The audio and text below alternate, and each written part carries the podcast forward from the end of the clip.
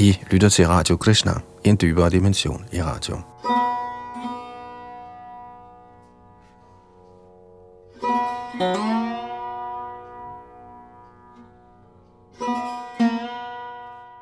Shri Nandanandan Das eller Steven Nab, en af vores litterært aktive medlemmer i Krishna-bevægelsen, har skrevet en lille tekst om Shrita Vyastev.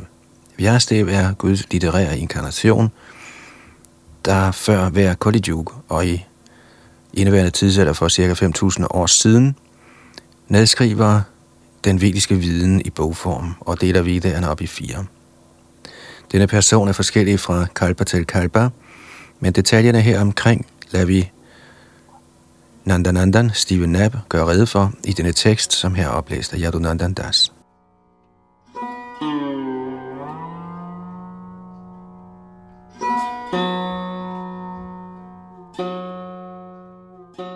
I listerne over herrens vigtigste avatarer, ligesom det man finder i Bhagavad Purana, beskrives det, at den 17. inkarnation var Srila Vyastev, der åbenbarede sig som søn af Parashar Muni og hans hustru Satyavati. Hans opgave var at inddele Vedaen i forskellige afdelinger og underafdelinger, for at de mindre intelligente lettere kunne forstå den. Det forklares videre, at fordi han dyrkede tapasya eller askese ved Badadinat blev Vyasadev også kaldt Badarayan. Det siges, citat, kend Maitreya, den Vyasa, der kaldes Krishna Dvaipayan, eller Vyasadev, som guddommen Narayan, for hvem på denne jord, anden end han, kunne have forfattet Mahabharat. Denne form af Vyasa, bestående af Rig, Sama og Yajur Vedderne, er på samme tid deres kerne, ligesom han er alle lemliggjorte væseners sjæl. Han, som udmærker sig som den, der består af Vedderne, skaber Vedderne, og inddeler dem i mange underafdelinger og grene. Han er forfatter til disse grene. Han er summen af disse grene, for han, den evige herre, er kernen af sand viden. Citat slut. Det er hentet fra Vishnu Purana, bog 3, kapitel 4.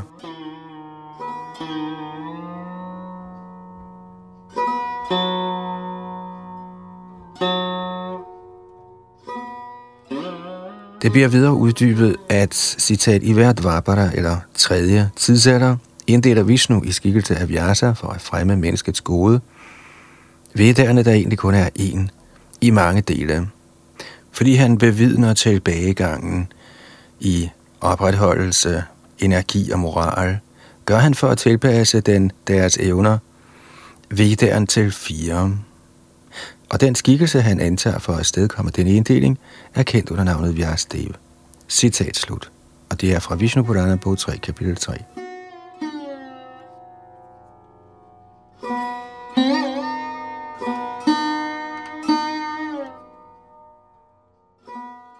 Ydermere skal det pointeres, at Vyasa ikke er den samme person i hver inkarnation, men som regel en bemyndiget individuel jiva selv, der fremstår som Vyasa det for at udføre den tjeneste til menneskeheden.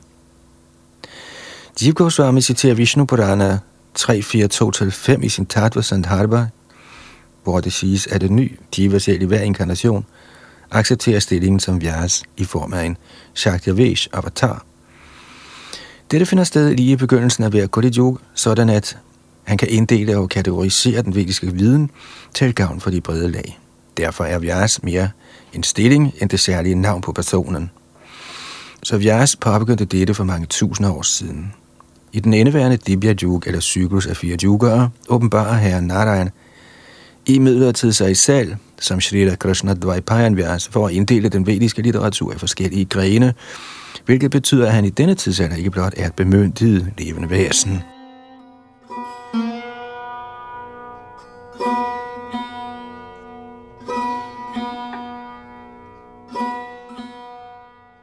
Disse vers forklarer tydeligt, at Vyas ikke er nogen anden end inkarnationen af det højeste væsen Vishnu, Narayan, der åbenbarer sig i denne verden for at samle og inddele vedderne, sådan at folk på alle niveauer kan forstå den.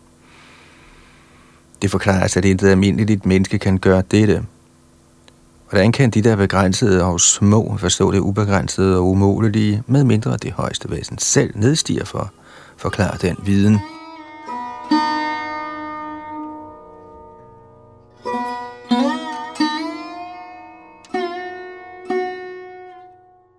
Endvidere havde den vediske viden gennem tiderne været baseret på en mundtlig tradition.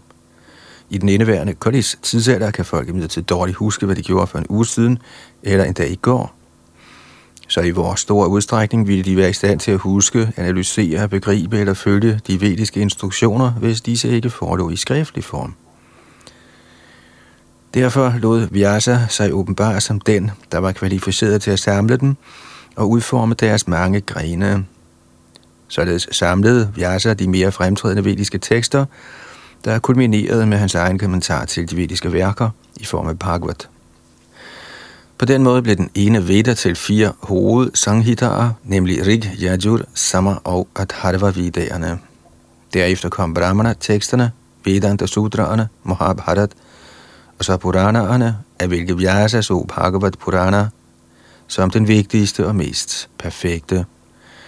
Som udtrykt i de ovenstående vers skal kernen i den absolute virkelighed findes i den vediske litteratur, især i Srimad Bhagavat.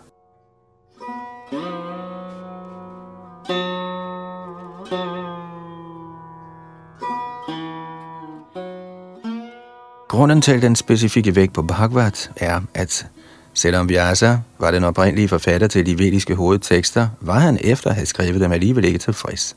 Der var en grund til dette.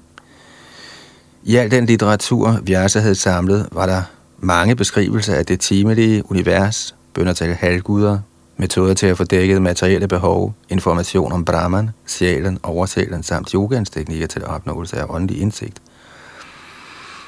Der var også information om den højeste herre, Bhagavan Krishna, men den detaljerede beskrivelse af Gud, hans form, hans inkarnationer, navne, aktiviteter, kræfter og energier, og hvordan han er altings kilde herunder den evigt ekspanderende åndelige lyksalighed, vi altid søger, var endnu ikke blevet beskrevet til fulde.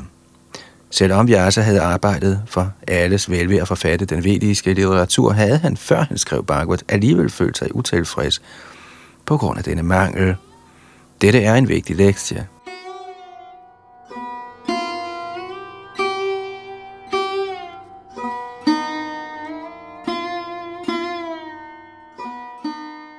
Vi ønsker alle naturligt at opnå frihed fra de problemer, det materielle liv giver os, men det er alene ved direkte at udføre åndelige aktiviteter, at det åndelige levende væsen, sjælen, inden i disse forgængelige materielle kroppe, begynder at føle nogen lettelse eller lykke.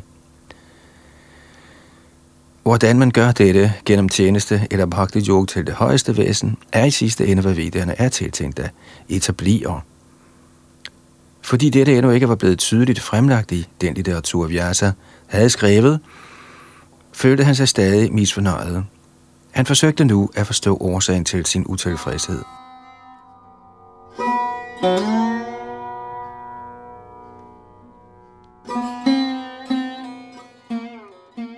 Vyasa spillede rollen af at acceptere en åndelig mester for at løse det problem. Efter at have forklaret sin forvirring for sin åndelige mester, Narada Muni, blev han råd til at skrive Bhagavad, også kaldt Bhagavad Purana. Efter at have gjort dette, betragtede han den som sin egen kommentar til Vedanta Sutra og den fuldstændige forklaring og konklusion på al vedisk filosofi. Det er derfor, Sri Chaitanya aldrig ville skrive nogen kommentar til Vedanta Sutra. Han betragtede Bhagavad som den højeste kommentar, der altså allerede var blevet skrevet. Bhagavad tilhører den afdeling af vedisk litteratur, der kaldes Itihas eller universelle historiske fortællinger.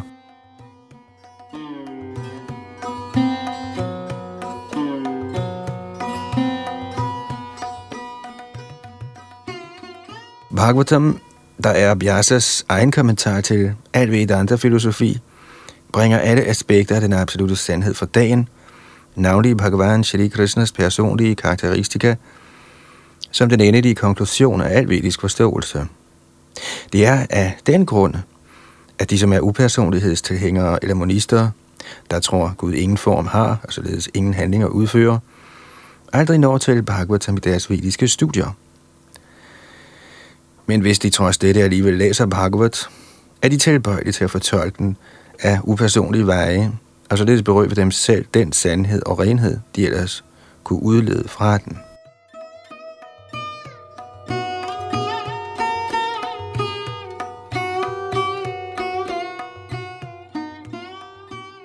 Det bliver også forklaret, at Bhagavad Purana er Guds litterære inkarnation, der er tiltænkt alle menneskers endelige gode, og den er helt lyksalig og helt igennem fuldendt. Vyasa gav den til sin søn efter at have trukket fløden ud af den samlede vediske litteratur. Denne Bhagavad Purana er strålende som solen og er fremkommet lige før Krishnas bortgang til sin egen bolig. De, som grundet koldialderens tætte mørke har mistet deres syn, kan få lys fra denne Purana. Og det er fra Bhagavatams første bog, kapitel 3, tekst 40-43.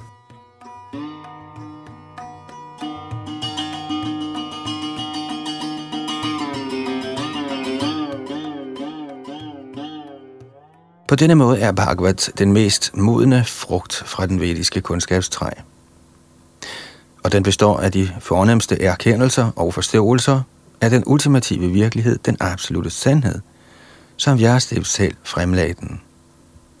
Udover dette anses den også for Guds inkarnation i form af lyd, hvilket bekræftes i følgende vers.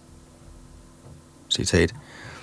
Denne Bhagavatam er Guds litterære inkarnation, og den er samlet af Vyasa, Guds inkarnation, den er tiltænkt det endeligt gode for alle mennesker, og den er helt igennem vellykket, lyksalig og fuldstændig perfekt. Citat slut. Bhagavatam 1.3.40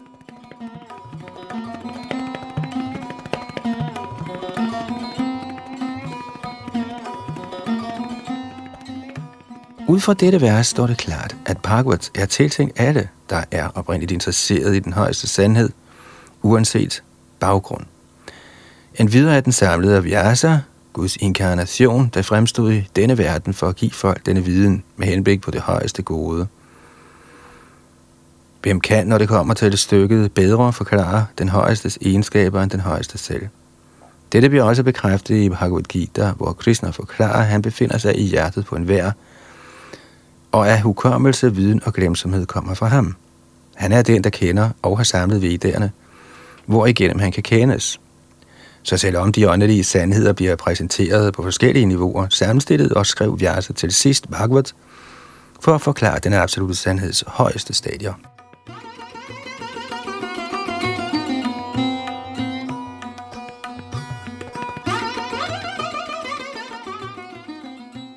konkluderer Nandanandan Steven Knapp i sin lille tekst her om Vyasa, Guds litterære inkarnation oversat og oplæst af Yodunandan Das.